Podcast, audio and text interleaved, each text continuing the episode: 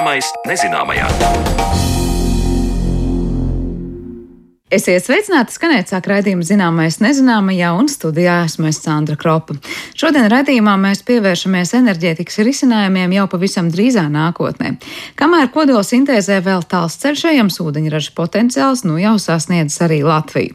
Šis tik izplatītais ķīmiskais elements nāk ar daudzām priekšrocībām un arī izaicinājumiem, cik tālu esam līdz ūdeņraža automašīnām un ūdeņraža apkurei, par to tad runāsim šodien raidījumā.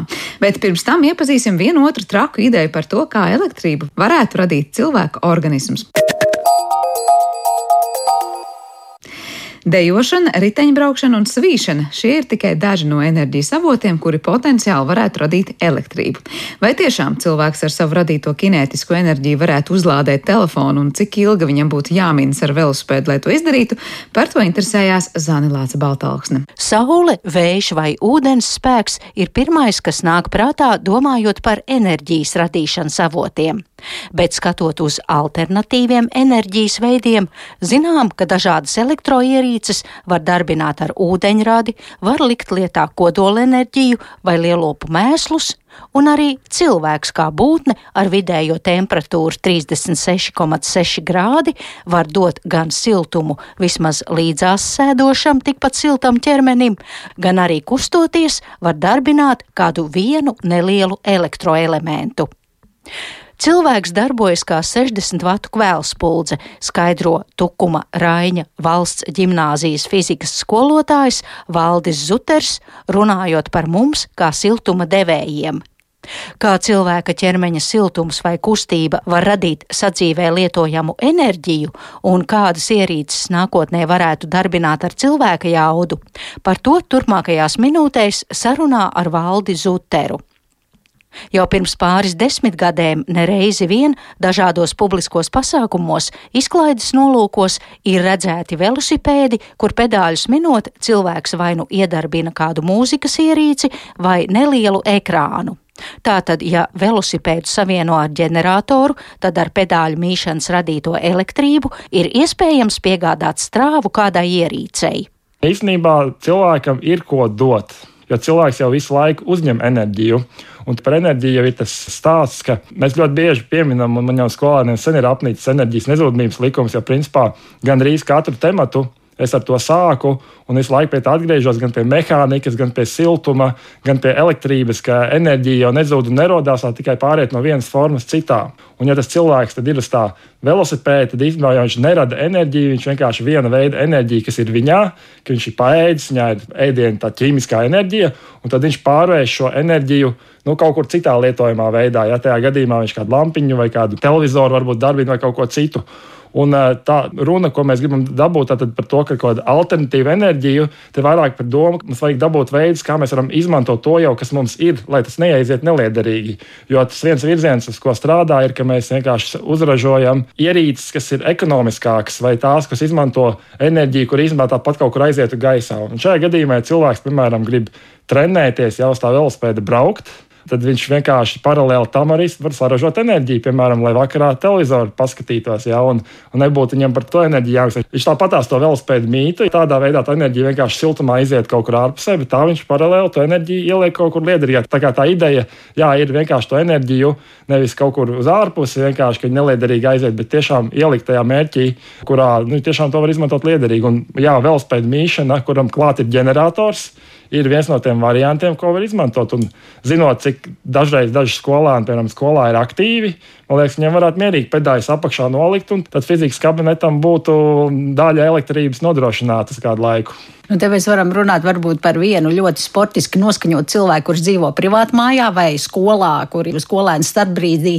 samina elektrību vienam fizikas kabinetam, bet tā, ja mēs skatītos tādas reālākas aprises, mēs nevaram daudz dzīvokļu mājas iedzīvotājiem likt eh, mīties noteiktās stundās. Jā, protams, ka to nevar, un ar šīm alternatīvām enerģijām jau arī, kad runā par atjaunojumām enerģijām kā saule un vējš, un tas pirmais jau, kas šobrīd ir tas aktuālais, ka īstenībā ja mums to enerģiju šobrīd vajag tik daudz, ja mēs ar sitienu nevaram vienkārši pēkšņi visu dabūt no vēja vai no saules. Ja, tas prasītu milzīgas ieguldījumus, milzīgas izmaksas, bet mums pamazām, pamazām uz to ir jāiet un par to jā jādomā. Un, ja tajā daudz dzīvokļu mājā viens tomēr ir gatavs savu televizoru darbināt, ja viņš jau tomēr daļa no tās enerģijas, protams, tas ir mazumiņš, tas ir maz, jā, bet viņš jau tomēr to izmanto un viņam jau tas ir labāk. Jā. Tā kā tādā virzienā var domāt, šis viens cilvēks aktīvais.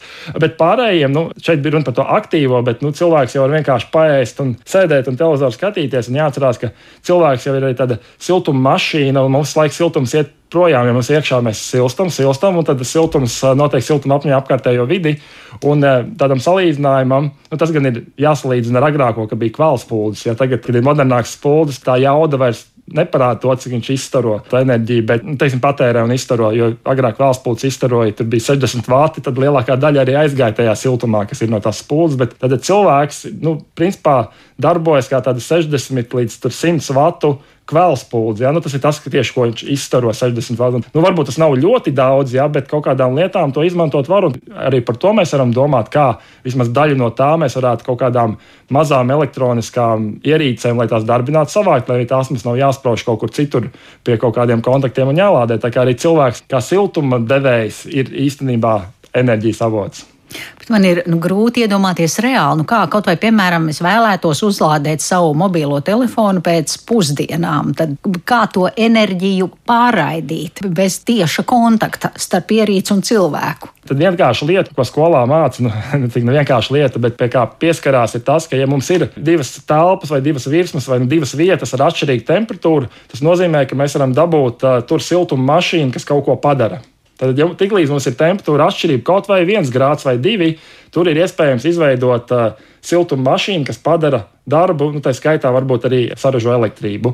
Un, uh, protams, fizika tādā ziņā ir vienkāršāka, tehnoloģiski grūtāk atrast, kā to siltuma mašīnu uzbūvēt, bet šobrīd jau ir ļoti plaši arī tādi ļoti vienkārši materiāli savienojumi, kur ir vienkārši plāksnīte, kur iznāk divi vadiņi, un tiklīdz tai plāksnītei viena puse ir ar atšķirīgu temperatūru nekā otra puse, tā tur jau tiek ražot elektroenerģija. Principā var slēgt klāt uh, mazo ierīci un darbināt. Tā kā principā zinot, ka cilvēkam, jā, nu, cik tā temperatūra ir uz viņa organismu, kā nu kurā vietā uz, uz ķermeņa, un kā ārpusē tā ir mazāka, pietiek to plāksnī tikai pielikt klāt. Un tur jau principā var slēgt klāt jau un darbināt. Protams, jā, tur nav tā, ka mēs teikt, pieliksim un aiziet mums visa māja. Te būs nodrošināta. Bet te ir tas stāsts par to, ka mums ir ļoti daudz tādu mazu patērētāju, visādi sensori, kas mums drīz būs vajadzīgi, te paši telefona lādēšanas, kas nav milzīga enerģija patēriņš, lai tās nebūtu ar vadiem tur jāslēdz klāt. Tad mums ir iespēja to jau tik daudz, kā vismaz to paņemt un uzlādēt ar to, kas nu, mums ir un kas tāpatās aiziet nu, gaisā un,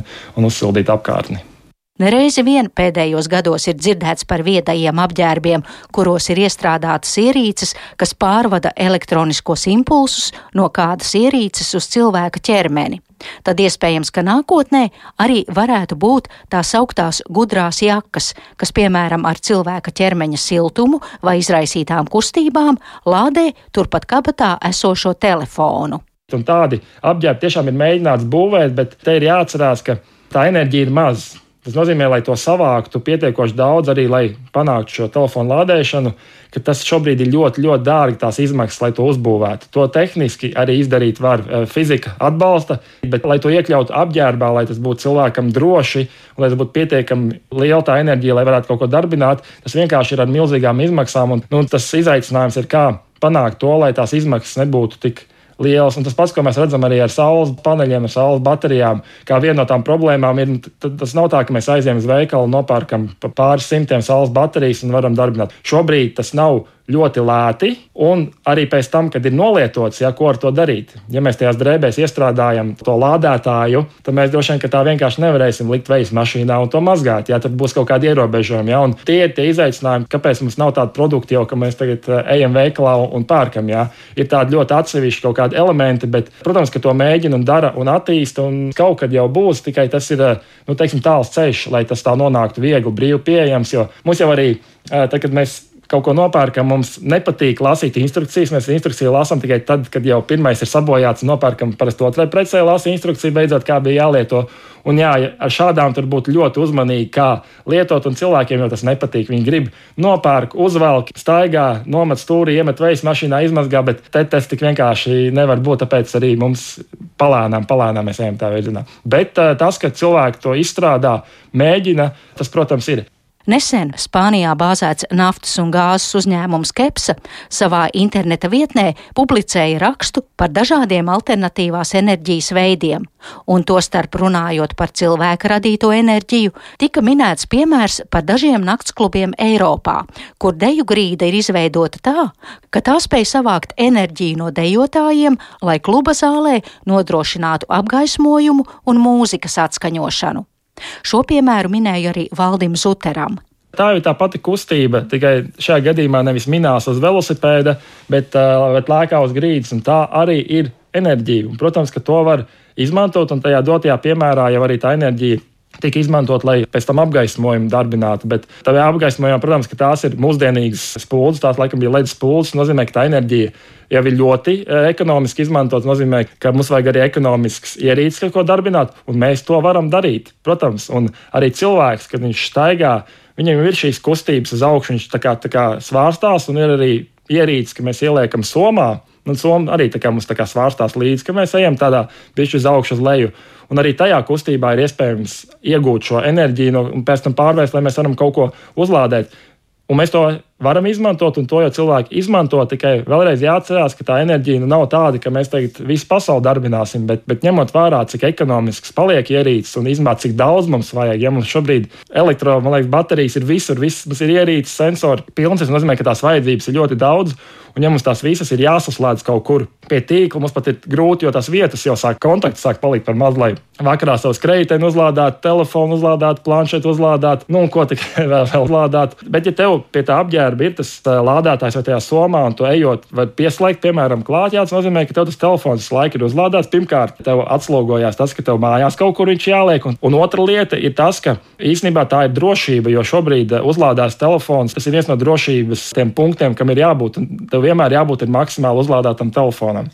Jo ļoti bieži skolēni atnāk no rīta, fiziski apgādājot skolotāju, var uzlādēt telefonu, man tur 20 vai 10%. Saka, nu kā tas var būt? Tu atnāc uz skolu un tagad tu kaut kad iesi, tev tu pēkšņi kaut kas notiek, un tu nevari piezvanīt. Tev telefons ir izlādējies, ja? vai tu kaut kur nonāc un tev baterija tukša. Tā kā principā Tas ir arī drošības jautājums, ka tā enerģija ir pieejama nu, vismaz tādā daudzumā, lai uzlādētu telefonu, jebkurā brīdī, kad tas ir iespējams. Un, un tā, šādām jaunām tehnoloģijām, no ķermeņa siltuma, no kustībām, tas vienkārši arī drošību nodrošina, un tas cilvēks vienmēr ir sasniedzams modelējot tālāk šo vīziju, cik droši tas būtu pašam enerģijas ražotājam, konkrēti cilvēkam. Tagad es kabatā lādēju savu mobīlo, ejot man pa ielu, vai tur nevar rasties kāds izsavienojums starp cilvēku un to ierīci.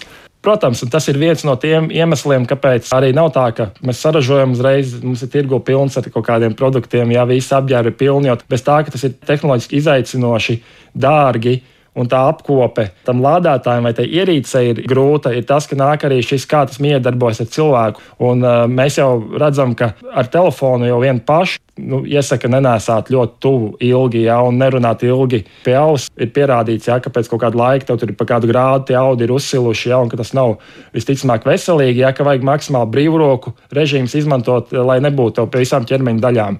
Un, protams, līdz ko mums tādi kaut kādi elementi ir virsū, tur ir jābūt milzīgai pārliecībai un pētījumiem, ka tas tiešām ir droši, ka tas neizraisa kaut kādas alerģijas pēc tam vai, vai reakcijas nu, no, no cilvēka jebkuras sistēmas ne, negatīvas, jau un ilgtermiņā neietekmē veselību. Un tas ir atkal viens no tiem, ka tas ir jāizpēta pirms mēs tādas lietas laižam tirgu un piedāvājam cilvēkiem. Tas, kā es šobrīd skatos, es vairāk skatītos tiešām uz tādām ierīcēm, kas ir vairāk, varbūt tālāk no cilvēka.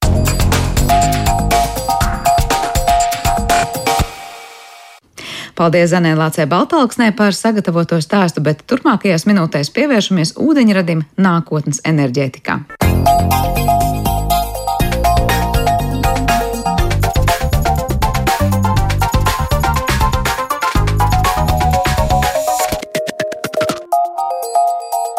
Zināmais nezināmajā. Nebūtu melot sakot, ka pasaule sastāv no ūdeņraža. Tas ir pirmais elements ķīmiskajā tabulā, un tas ir visumā izplatītākais elements. Tāpēc nav pārsteigums, ka pētnieki jau krietnu laiku ir lauzuši galvu, kā šo tik izplatīto elementu izmantot savā labā, ražojot enerģiju. Kāpēc tas ir tik sarežģīti un kāda šobrīd izskatās ūdeņraža nākotne enerģētikā, par to uz sarunu esam aicinājuši Rīgas Tehniskās Universitātes profesoru Andru Šutku. Labdien! Labdien!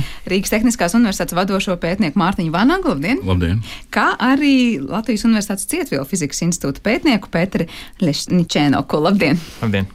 Nu, ko sāksim ar to, kādas šobrīd ir uh, vispār tendences pasaulē saistībā ar ūdeņradi kā enerģijas avotu. Mēs daudz par to runājam jau sen, par to, ka transportā kaut kādu sektoru varētu aizņemt ūdeņradis, bet tajā pašā laikā mm, es saprotu, ka arvien vairāk un vairāk tās runas iet plašumā un skaļumā. Kā šobrīd izskatās situācija pasaulē? Es sākšu Mārtiņu tad ar jums. Jā, nu. Es saprotu, jūs pats enerģētikas, pē, ūdeņraža kā enerģētikas pētniecībā esat gana, gana sen. Nu, cik nu sen, no 2005. gada, es uh, sāku pie Jāņa Klepera, Civilfīzijas institūtā ar Vladimiru Ņemcevu. Tad bija augsts tas tonis jau. Tajā laikā jau bija augsts tonis, kad uh, lēsa, ka būšot viens no visperspektīvākajiem uh, risinājumiem enerģētikā pēc šādiem fosiliem. Tad bija šī noplaka, tagad atkal ir atpakaļ diezgan augstu, jo, jo, jo baterijas vienā brīdī sāk pārņemt. Tagad abi divi līdzsvarā ūdeņradas baterijām cīnās abi divi. Nevis cīnās, bet iet tā kā, tā kā paralēli. Blak, paralēli viens otram, ja, bet nu, baterijas ir tālāk tikušas. Bet, bet šobrīd, kā jūs pārējie studijā esošie pievienotos, vai atkal iebilst tam, ka tās sarunas un sajūtas par to, ka ūdeņradis ir tā mūsu nākotne, ir eh, augušas un varbūt nākušas klāt, un mēs sakam, nu, tūlīt, tūlīt, tūlīt tā, tā, tā, tā lielā revolūcija notiks. Jā, nu es teiktu, ka uh, kopš pagājušā gada ir diezgan skaidrs, ka Eiropā ūdeņradis ir ļoti svarīgs. Un uh, tam seko ļoti liels finansējums industrijai, tātad industriālie projekti. Uh, dažādi arī pētniecības projekti ir iespējami tādēļ, ka no Eiropa ir pateikusi, mums šie klimata mērķi ir jāsasniedz, un vienīgais veids, kā tos sasniegt, ir uh, ar enerģijas uzkrāšanas iespējamību un enerģiju uzkrāt lielos apjomos, risinājums tomēr ir ūdeņradis. Nu, tiešai pārējai no atjaunojumiem energoresursiem. Par ūdeņraža iegūšanu, jā, tūdaļ arī plašāk parunāsim, bet es spēju, eh, Andrim vēl nedevu vārdu par to sajūtu šobrīd pasaulē un tendencēm. Jā, nu, sajūta pasaulē un tendences vispār ir zaļā enerģētika, alternatīva enerģijas avoti. Un uh, tur ir uh, pētniecība.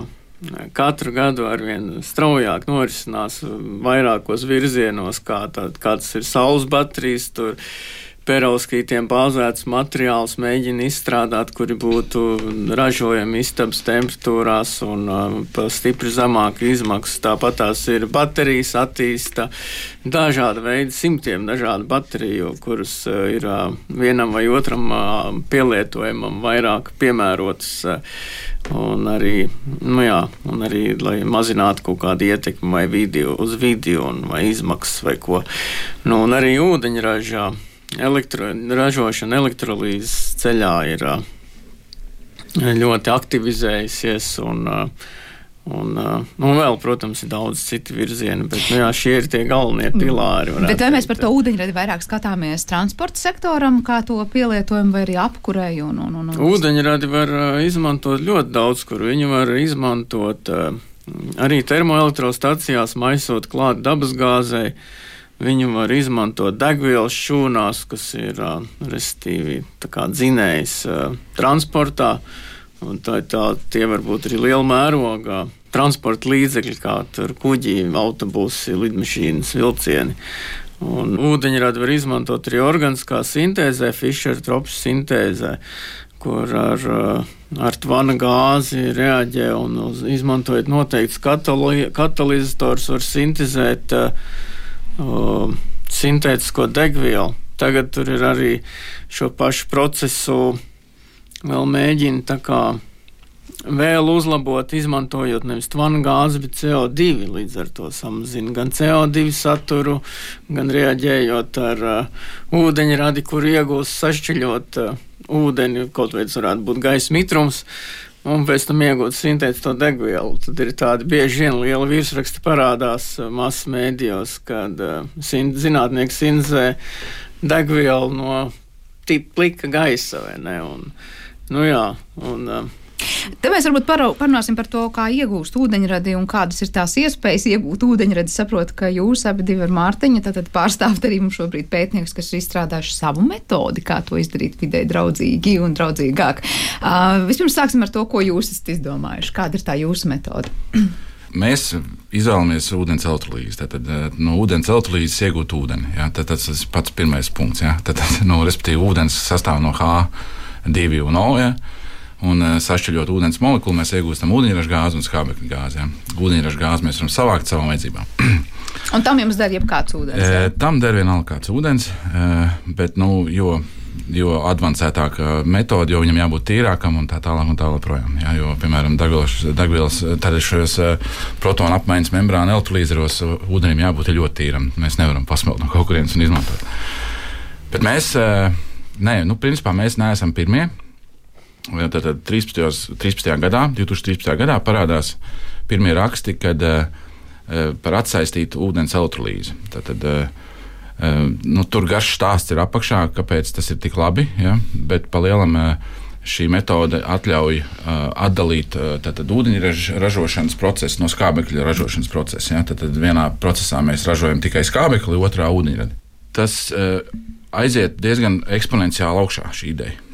Tad, tad 15. gadā jau parādās pirmie raksti ar mazliet avansētāku metodi, kā to darīja. Ja? Un, un, un, un galu galā ir nonākuši līdz tādam stāvoklim, ka pavisam nejauši mums ienāka prātā doma vēl vairāk uzlabot šo atsaistīto elektrolīzes principu.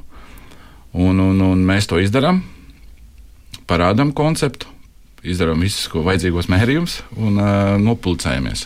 Bet kas ir tas fundamentāli jaunais, ko jūs esat Jā, uzlabojuši? Es pastāstīšu to garo stāstu. Cik nu drīkst atklāt, protams. Jā, Tur uh, var visu atklāt, publikācija ir open access, var jebkurš Latvijā vai jebkur pasaulē paņemt to publikāciju un taisīt to elektrolīzeru un sākt ražot ūdeņradi. Bet, uh, jā, tas, uh, tā lieta ir tāda, ka uh, Ja ūdens šķeļa izveidojas sprādzienbīstams gāzes maisījums, tāpēc ūdens šķeļa vannās, kur ir pa vidu membrāna, kur tie joni migrē cauri membrānu, šķeļoties ūdens šķelšanās procesā un, un membrānas abās pusēs izlās tīras gāzes, viņas nesajaucas. Membrānas samazina efektivitāti, viņas ir ļoti dārgas. Vēl iekārtām ir vajadzīgs papildu iekārtas, kas samazina spiedienu šūnas pusēs, izlīdzina, lai tā membrāna uh, nesaplīstu. Un tad tāpēc ir tā doma radās zinātniekiem 13. gadā pirmais darbs, pilnīgi atšķirīgs koncepts no mūsējā, kad atsaistīt šo elektrolītu, tās reakcijas telpā. Nav vajadzīgs membrāns, nekas nav vajadzīgs. Notiek katrs atsevišķā traukā izdalās gāzes. Un toreiz to darīja ņemot speciālu vielu, kur ielikā maisījumā, tad notika pusreakcija, tad viņi ielika citā maisījumā, atkal notika otra pusreakcija. Nu, tādā veidā atsaistīja. 17. vai 18. 17. gada beigās, man liekas, tas bija Nature Materials noblūcē rakstu, kur ir divas vannas, darba elektrodi iekšā vannās, un iekšā ir arī palīgi elektrodi. Un tad tie joni difundē vienā palīgi, šūnā, difundē viens jons iekšā palīgi elektrodā, un otrā šūnā tas jons difundē no palīga elektroda ārā, nonāk pie darba elektrodā, ka izlās gāzes, divi vannas, viena var stāvēt liepājā. Nu, vienmēr sakot, tā ideja ir tāda, ka tur to drošību panāk nevis uz tās membrānas rēķina, ja, kas tur samazina efektivitāti un parāda padara to visu dārgāku, bet nošķirot jā, dažādas tēmas. Jā, atsaista pilnībā tava elektrolīzes procesu. Nu, lūk, un mūsu tas, mēs principā šo vidē ņēmām, aprobējām, bet tā, tas, ko mēs izdarījām, mēs sapratām, ka vajag tajās vid, vannās ielikt uh, atšķirīgu vidi tādā ziņā, ka vienā vajag skābu, otrā bāzisku, jo tad izmainās uh, ūdens uh, redoks potenciāls un uh, kopējais potenciāls teorētiski ūdeņi, lai šķelt, ja izmanto vienu reakciju skābā, otrā bāzes skābī 0,4 volti. Ja Tas ir kaut kas, ko citi pasaulē nav izdomājuši. Jā, to nebija nevienam ienācis. Mēs, jūs, mēs jā. izdomājām, kādas palīgi elektrodus mums vajag. Mēs uzstelējām visu to aparātu, veicām mērījumus līdz asarām bieži vien. Nu, labi. Bet viss sanāca, jā? Bet viss sanāca. Jā, bija jāsanāk. Tur jau bija man, ideja, bija labi. Bija, nē, tur skaidrs jau bija pašā sākumā, ka tam ir jāsanāk. Bet labi, ar to arī viss nebeidzās, es saprotu. Tas nē. ir jau pirms vairākiem gadiem notikušas šīs nē. idejas. Kā jūs tālāk to attīstījāt un līdz kam jūs šobrīd esat tikuši? Tā lieta ir tāda, ka uh, mūsu tā, tā, tas, tas amfotērais elektrolīzes uh, princips, ko mēs arī nopublicējām, viņš uh, principā viņam ir divas daļas. Viena ir izdevīgā daļa, mēs tā arī viņu nosaucām un otra ir neizdevīgā daļa. Jā, tas tad, viss koncepts prasīja trīs gadus jā, līdz šim laikam. Pēc šīs izdevīgās daļas, jā, kur, kā Andris teica, mums termodinamika iedod iespēju ārkārtīgi efektīvi sadalīt ūdeni, nu, ražot ūdeņradi. Seko tā neizdevīgā daļa. Un kas tā ir? Un tā ir, kad mums ir tagad neizdevīgāk termodinamiski kā vienā vannā to darīt. Proti, tas paņem vairāk enerģijas, Jā. lai saražotu Pat, to pašu. trad, pat tā kā ir tradicionāli tagad. To var viegli paskaidrot, tāpēc, ka, ja tajā iepriekš, ko es teicu, pieminēju, konceptā bija tā, ka palīgi elektrodā vienā vannā ieiet, jons otrā iziet vienlaicīgi, tad mums ir tā, ka pirmajā procesā joni akumulējas palīgi elektrodos, un otrā solī viņi iet ārā. Abos solos, soļos vannās izlās atsevišķas gāzes, bet mums ir tas viens, ko varētu uzskatīt arī par uzlādes procesu. Tā tad ir loģiski, ka uzlādēt tos palīgi elektrodus jau prasīs papildus kaut kādu enerģijas Tad ieguldījumu. ne- neieejot detaļās, sanāk beig beigās tā, ka jums ir no vienas puses ļoti spoža ideja un liekas, viss ļoti labi strādā, bet Jā. finālā tas prasa vairāk enerģijas, kamēr iegūstam šo enerģiju, Nē. nekā tas, ko Nē, mēs nu, iegūstam. tas Gluži tā nav. ir tāds, tas Jā. fināls ir tāds, ka no šī neizdevīgā virziena mēs izbritām ar sausām kājām. Ā, jūs atradāt pielietojumu. nē, jā. ir tāda lieta, ka kopējā elektrolīze, kopējā elektrolīzes efektivitāte ir, ir, ā, Komerciāliem gandrīz labāka kā komerciālajiem elektrolīzēm. Jā, jo restīvi komerciālie membrānas tipi, tur ir efektivitāte 67%. Mums tajā neizdevīgajā solī. Pirmajā ciklā, kad mēs akumulējam jonus, palīgi elektrodos, ir efektivitāte ap 30%. 40. Bet, vai 40. Jau, jau nav slikti nemaz. Bet tajā otrā solī, kad tie joni migrē ārā un atkal izlās gāzes, mums efektivitāte ir pāri par 200%. Nu, tā Jo tas ir, sauksim, jā, jā. tas ir līdz ar to tur enerģijas, ie, nu, ie, e, e, vairāk dabūna enerģijas nekā ieliek iekšā tajā otrā solī gāzēs. Bet tad beig beigās šobrīd kā tā, es nezinu, varbūt Pēterim ir komentārs, e, ūdeņraža iegūšanas pasaules skatās uz to visu kā tādu lielu potenciālu un skaidrs, ka ir labs rezultāts sasniegts un vēlme virzīties tālāk šajā virzienā, vai tur ir tāda, nu, piesardzīga pauze un skatāmies, Es- kas notiek es teiktu, tālāk. Ka Andris jau pats zina, nu, Zinātņu akadēmija atzina šo par labāko pētījumu pagājušajā gadā, man liekas. Bet es domāju, ārpus jomā. Latvijas, kā uz to raugās. Ārpus Latvijas tur, Tur laikam, jāstāsta, kā citēs un ko darīs. Tas jau paies daži gadi, lai redzētu to. Pirmkārt, Jā, man cilvēki man izlasa to rakstu. Viņi darbojas pie sava raksta, tad viņi sāk par to domāt, uh, kamēr viņi visu izstrādā, kamēr nocistē, kamēr ir recenzija, kamēr noblicē, un tad tikai tad mēs sākam redzēt, ka sāk krist citācijas.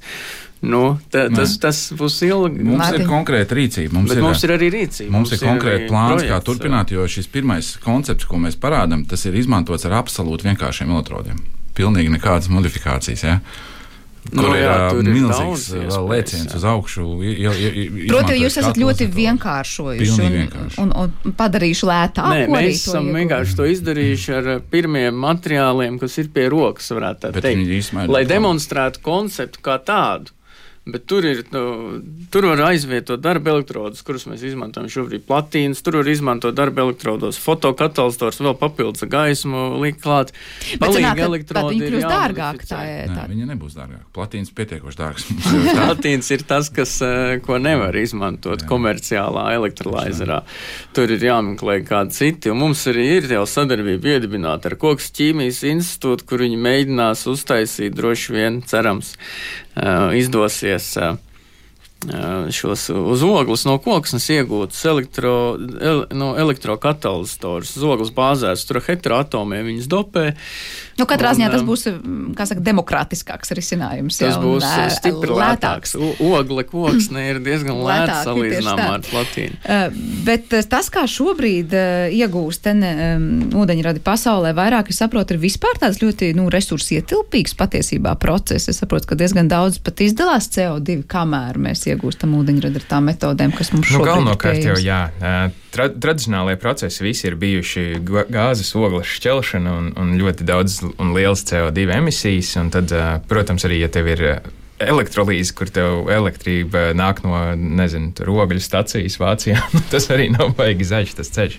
Uh, bet, nu, ja tas ir vēja parks vai saules parks vai nu, tas pats hidroelektrostacija vai nu, kaut vai atomelektrostacija, jā, tā tad visas šīs ir tādas CO2 uh, ne, neemitējošas uh, enerģijas avoti, un tad elektrolīze vai tā būtu tiešām.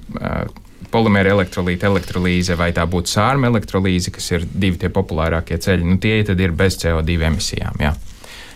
Es teiktu, ka CO2 rodas visos tajos apkārtējos procesos. Bet Jā. Bet šobrīd, ja mēs runājam plašākā mērogā, kad runā par ūdeņraža enerģiju, mēs šeit runājam par to, ka jau visi pieņem, ka tas ūdeņrads tiek iegūts bez tām lielajām CO2 emisijām, vai patiesībā tiek attīstīts kaut kādas nozars, kuras darbosies, lai cik arī, nu, varbūt absurdi šobrīd izklausītos, patiesībā iegūstot ūdeņradi ne īpaši vidē draudzīgā veidā. Mm. Iz, izskatās, ka strādās abas. Es uh, nesen skatījos vien, vienu uh, ūdeņraža Hydrogen Council ziņojumu. Viņi teica, ka ir nu, divi galvenokārt ceļi. Pirmais ir tīra elektrolīze, un otrais ir šī te, nu, metāna reformācija ar CO2 savākšanu. Un tas ir vēl viens liels virziens, kurā strādā visa pasaule. Nu, tā, tā CO2 savākšanas atvainojas un noglabāšana. Mārtiņam bija kas piebilstams? Nē, viss kārtībā. Runājot par to ūdeni, no kurienes tad, ja mēs iegūstam ūdeņradi, te Mārtiņš pirms tam teica, nu tomēr tam ir jābūt tīram. Pastāstiet, kādām ir tām prasībām jābūt pret ūdeni, jo mēs tā parasti klausītāji domājam, nu kā pasmelsim no okeāna un iegūsim ūdeņradi. Vai tas būs tik vienkārši, vai tas nebūs tik vienkārši? Nu, es eh, teikšu tā, ka eh, nu, es vispār šo metodi, nu, vispār ūdeņraža ražošanu aizsāku jau ar diezgan radikālām idejām. Ja. Jāatcerās, šeit jāpiemina arī Vladimirs, ja, bijušais kolēģis, kuram bija ļoti radikāls idejas, ka mēs varēsim pasmelt no jebkurienes un dalīt ūdeni. Nu, bet tādās komerciālās iekārtās, tomēr, ja mēs ieguldam pamatīgi naudu, lai viņu iegūtu, negribētos lietu, nu, nu, netīru ūdeni. Bet, ko mēs saprotam, netīru? Tāds pasmēls no Daugavas nu, būtu pilns, pietiekoši netīrs, jā? Nē, nu, krāna ūdens arī, arī būtu pietiekoši netīrs. netīrs. Tur ir pietiekoši daudz jonu. Kur ir Jonas, var, nu, var, ja mēs, piemēram, paņemtu no krāna ūdeni un darbinātu elektrolīzi viņā, iebāžot divus elektrodus, viņš drīz vien paliktu dzeltenīgs Brūns, un diezgan nesmugs. Ja. Tad sanāk, jums ir jāiegūst no kurienes, cik tīrs ūdens. Deionizēts vismaz. Ir speciāls iekārts, deinizatori, pietiekuši jaudīgi. Nav, nav problēma. Ja. Uh, uh, ja. Nē, vienkārši gribēju piebilst, tomēr jau ir uh, pētījumi un tam pievērš lielu uzmanību, lai varētu šķelt pa taisno, pieņemsim, jūras ūdeni. Tur ir. Uh, Un arī tas mūsu konceptā membrāniem ir tā arī problēma, kas uh, bojājas, ja neizmanto tīru ūdeni. Mūsu gadījumā varbūt, uh, varbūt pat varētu mēģināt, uh, bet mēs to neesam darījuši arī dēļ tā, ka, nu, Tur jau notiek daudz blakus reakcijas, un bez zinātniskam rakstam tomēr vajag precizitāti, lai saprastu to procesu un visu. Bet jūs paredzat, ka vēlāk, piemēram, industrija varētu sākt teikt, labi, mums vairs nevajag precizitāti zinātniskiem rakstam, mēs varam mēģināt kaut ko, nezinu, efektīvāku Nē, nu, padarīt. Primitīvi jānofiltrē vismaz. Nu, mm -hmm. Tas var to vajadzētu. Bet nebūs tā, ka, lai nofiltrētu tur lielos apjomos, tagad mēs atkal runāsim par to, ka tas būs energo ietilpīgi un resursu ietilpīgi. Nē, nē. Uh, ja, ja mēs, nē, jā, nē, ja mēs sadalām to visu, to visu ūdeņraža enerģētiku tādos lielos blokos, tad viens varētu būt ražošana, kas visvairāk paņems enerģijas un droši vien visvairāk arī maksās, kas veidos viens no lielākajiem cenas veidotājiem. Tad būs uzglabāšana, transports un izmantošana. Ja, tad, un, un, un šeit nu, pie ražošanas ūdens filtrēšana, man liekas, tā baigi neieskaita. Ja, ja uzzīmēt grafiku, nu, tā, tajā pīrāga formā, tad to, rī, tos, to līniju ar ūdens attīrīšanu gandrīz neredz. Jā. Jā. Tad sanāk, šobrīd vislielākā pīrāga daļa būtu uzglabāšana un transformēšana? Mm, es teiktu, elektrolīzera paša dizains, jo, jo tev vairāk vajag ūdeņradi, jo lielāks tev elektrolīzers, un šobrīd tas ir platīns, un tas ir dārgi. Tas ir dārgi, jā. Kā jūs paredzat tālāk, nu, cik ātri mēs virzītos uz kaut kādu atkal šo te optimizāciju procesu? Nu, te izskanēja par tām oglēm ideja, tas ir kaut kas tāls nākotnes stāsts, vai tomēr jūs redzēt, ka tas ļoti raiti varētu iet uz priekšu. Mēs jau, piemēram, pēc gada diviem varētu šeit sēdēt un runāt par to, ka lūk, ir noticis milzīgs izrāviens industrijā. Nu. Tas ir ja, ja tieši no mūsu pētījuma, ko mēs esam izstrādājuši, progress, tad uh, Es tam redzu, uz ko arī es mēģināšu iet. Pagaidām nu, tas arī atkarīgs no veiksmes. Ir, ir, uh, ir vairāk ceļu, lai sadarbotos pirmkārt ar uzņēmumiem, vajadzīgi piesaistīt investorus, lai piesa, vai arī darboties kaut kādos projektu uzsaukumos, kur, uh, kur pirms tam tehnoloģijai jābūt bijušai novērtētāji uh, kādā no Horizon zinātniskiem projektiem kas ir ļoti grūts uzdevums arī. Un tad tas solis mums ir uh, konkrēts, un tagad jau tas ir lēnām virzās uz to, ka mēs uh, mēģinām tagad taisīt sadarbības projektu ar Eiropas zinātniekiem, attīstīt šo ideju uz augstākiem tehnoloģijas gatavības līmeņiem un iegūstot šo Eiropas projektu. Tad mēs dabūnam sev šo te tā saucīšu tempeli, lai tiktu uz uh, nākamo soli etapu, kur mēs varam iet ar uzņēmējiem. Tur jau tās investīcijas, ko iespējams piesaistīt, ir desmitos miljonu. Nu, ja desmitos miljonu ienāk, ieplūst naudu un ir uh, parādās personāls un cilvēki, tad uh, to var daudz ko ātrāk izdarīt un reāli attīstīt. Tā kā tie ir tie scenāriji, kā tur. Uh, Vai tas notiks? Mēs varam nedabūt projektu, kas ir diezgan normāli. Ja ir konkurss ar 300 projektu, no, kur iesniedz 300, bet finansē divus vai ne? Tā kā, nu, jā, tas viss ir zvaigznēs rakstīts. Nu, tur vēl daudz tādu mainīgu. Mēs jā. paši, protams, turpināsim, mm. arī tagad turpinām, un, un ko iespēja robežās arī Latvijas finansējumu esam dabūjuši, un mums ir piesaistīti vēl papildus studenti pie šī virziena. Mums ir daudz idejas zinātniskiem pētījumiem par to, dažādas nianses aspektus, lai parādītu tajā procesā. Tā kā, nu, paši mēs to plānojam nodarboties. Mārtiņš, man liekas, līdz pensijai plāno ar šo. Nē, man ir, man ir daudz, nenormāli daudz idejas, ko turpināt. Viņas visas laiku iet arī uz priekšu. Tad attīstās un atrod savas dzirdīgās savas. Kas Princi, tas ir? Nē, principā tas koncepts pagaidām ir nu, tāds tā kā, uzrakstīts, bet tagad mēs viņu tā nu, vienkārši uzlabojam. Kāda ir šobrīd industrijas attieksme? Es saprotu, par to ir par agru varbūt runāt, bet nu, kopumā gan jau, ka jūs dzirdat kaut kādas sajūtas, vai ir tāda skepse, vai savukārt industrija nu, pilnīgi gaida, kad, kad jums būs tās uzlabotās versijas un ir gatavi nākt soli pretī. Es esmu dzirdējis, ka gaida. Šeit Latvijā ir stāsts par to. Ja? Nu, ūdeņraža alianse arī varbūt droši vien tur bija uzņēmumi, tur daudz uzņēmumu sadarbojas, un tur arī ir daži zinātnieki kas tur piedalās. Tur varēja just tādas vēsmas, un vēl es saņēmu pēc pirmā sižeta pa mūsu pētījumu. Es saņēmu e-pastā, bez labdienas, bez nekā. Tur, uh, Sūt, e, es gribu to elektrolīzeru apmēram sūtiet. Mēs ņemsim. nu, tad jau, kā saka, tā sajūta vismaz ir tāda daudzsološa, ne? Vai, vai, vai, vai pēc tam atkal viss parasti no tāda ļoti eiforiska viļņa noplūka un atkal ir, ir jāpārliecina. Eifórija mums iedeva īstenībā tas, ka mums izdevās e, tajā žurnālā iespiesties, jo tas ir e, viens no top, top pasaules žurnāliem and Mental Science ar ietekmes faktoru ļoti augstu, kur nu, skaitli es nosaukšu, nevienam neko nenozīmēs. Nu, katrā ziņā tas ir liels ieguvums, un mēs varam gaidīt, ka tās um, dzirdīgais ausis krietni ārpus Latvijas robežām būs jūs sadzirdējušas, un, un tā sadarbība notiks. Tajā brīdī, ja jūs tur uzlabojat visu, kas ir jāuz, jāuzlabo, un, un padarat lētāk un efektīvāk vēl ko var, var optimizēt, kas notiek tālāk, cik lielā mērā ir nav problēmas izaicinājumi ar pēc tam tā ūdeņraža uzglabāšanu un pārvietošanu? Jā šeit ir uh, vairāk daļas. Ja. Ja parastā elektro, ūdens elektrolīzerē mums ir uh, divi metāla elektrodi, tad mums tagad ir, uh, es teikšu godīgi, mums ir pa pusē elektrolīzers, pa pusē baterija. Ja. Un, un uh, tas otrs elektrods, kas nāk no baterijas, ja, nu, principā mēs paņemam pusi no baterijas un pusi no elektrolīzera. Tas otrs elektrods viņam ir tās pašas, tās pašas funkcijas jāveic, kas baterijai. Tātad laba ciklojamība, ja, lai mēs viņu varētu vairākas kārtas uzlādēt un izlādēt. Tur pagaidām 3000 ciklu laikam ir tāda zaļā gaisma, kad var iet tālāk. Tad mums ir kapacitāte. Jābūt lielai kapacitātei, lai mēs varētu, piemēram, ļoti ilgi darbināt to neizdevīgo ciklu, lai pēc tam varētu tur ļoti ilgi darbināt ar kaut izdevīgo ciklu. Bet es te varu arī mazliet nomierināt, ka šie, šie elektrodi nāk no, no ūdens baterijām. Ja? Tad, tad, respektīvi, mums, mums uh, tipiskā litija-jona baterijā, kas tagad ir ļoti plaši, uh, nu, plaši populāra, ja, viņā izmanto organiskus elektrolītus. Bet, piemēram, tāda niķeļa metāla hidrīta baterija izmanto ūdens elektrolītus. Ja, tad, tad mēs ņemam elektrodus no šīm ūdens baterijām, ja, tad ūdens elektrolītu baterijām. Tā būtu viena puse, kas jāuzlabo nepārtraukti ir, un jāmeklē jauni materiāli.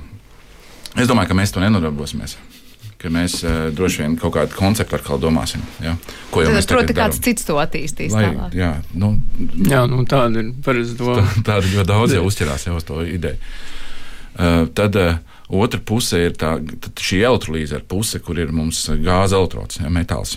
Uh, un uh, mēs, kā jau teicu, izmantojam pat diezgan sliktus. Nu, platīns pa lielam viņš nemaz nav ļoti labs.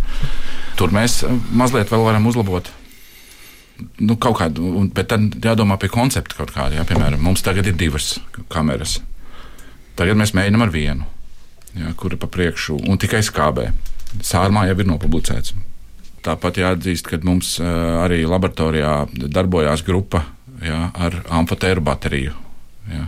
Nevis vairs elektrolīze, bet baterija jā, ar šiem pašiem principiem.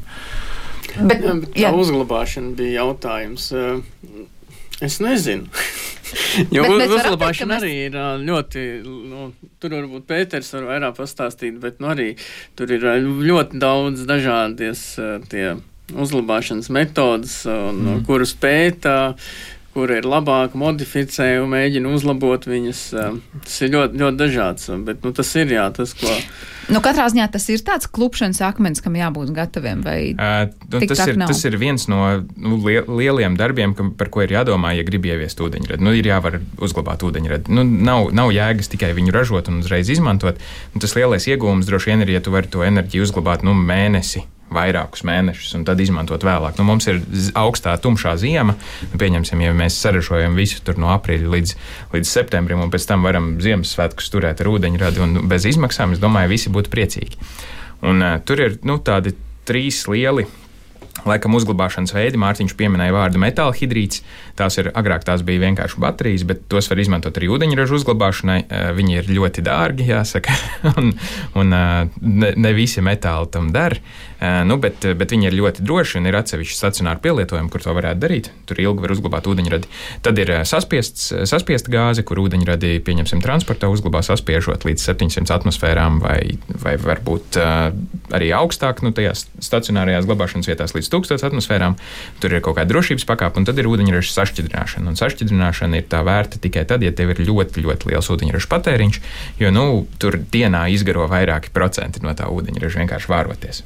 Tad nu, nav jēga attīstīt to, ja ir mazs apjoms, jo tas viss vienkārši izkūpēs gaisā. Ja nu, tā, var tā, teikt. tā varētu teikt. Jā. Bet savelkot punktiņus uz zīme mūsu sarunas beigās tagad kopā, kā jūs katrs tad, nu, nezinu, definētu šobrīd esošos izaicinājumus un tās priekšrocības, kas ir ūdeņraža enerģijai? Jūs sarunas sākumā teicāt, ka it kā ir tāds ļoti tāds pozitīvs noskaņojums un tās runas iet, iet arvien vairāk un plašumā, ka jā, jā, mēs tūdaļ gan brauksim, gan, gan, gan sildīsimies ar ūdeņradi. Kur ir tie plusi, kur ir tie mīnus un cik ļoti mēs šobrīd esam ceļā uz to, ka tie plusi pārsver tos mīnusus. Nu, es teiktu, plusi ir tie, ka uh, projekti pieņemsim, zinātniski un arī industriāli ir gan arī šeit Latvijā. Pieņemsim tāds high value projekts, kas ir Tartu sadarbojoties ar Valmieru un Zao. Tur būs ūdeņraža atkrituma mašīna, kas pusotru gadu braukās un, un testēs to tehnoloģiju dzīvē. Ir tāds Hydrogen Bus Roadshow, kurš dodas Baltijas virzienā, būs Baltkānos un jau norisinājās Centrāla Eiropā, kas, kas arī atved tās tehnoloģijas un parāda. Un, nu, tas nozīmē, ka industrija ir gatava. Industrija ne tikai ir gatava, bet jau tur ir gatavi risinājumi. Un, uh, atliek tikai nu, uh, izbūvēt infrastruktūru, lai viņus ieviestu. Nu, protams, ir jādomā, kura infrastruktūra ir tā izdevīgākā.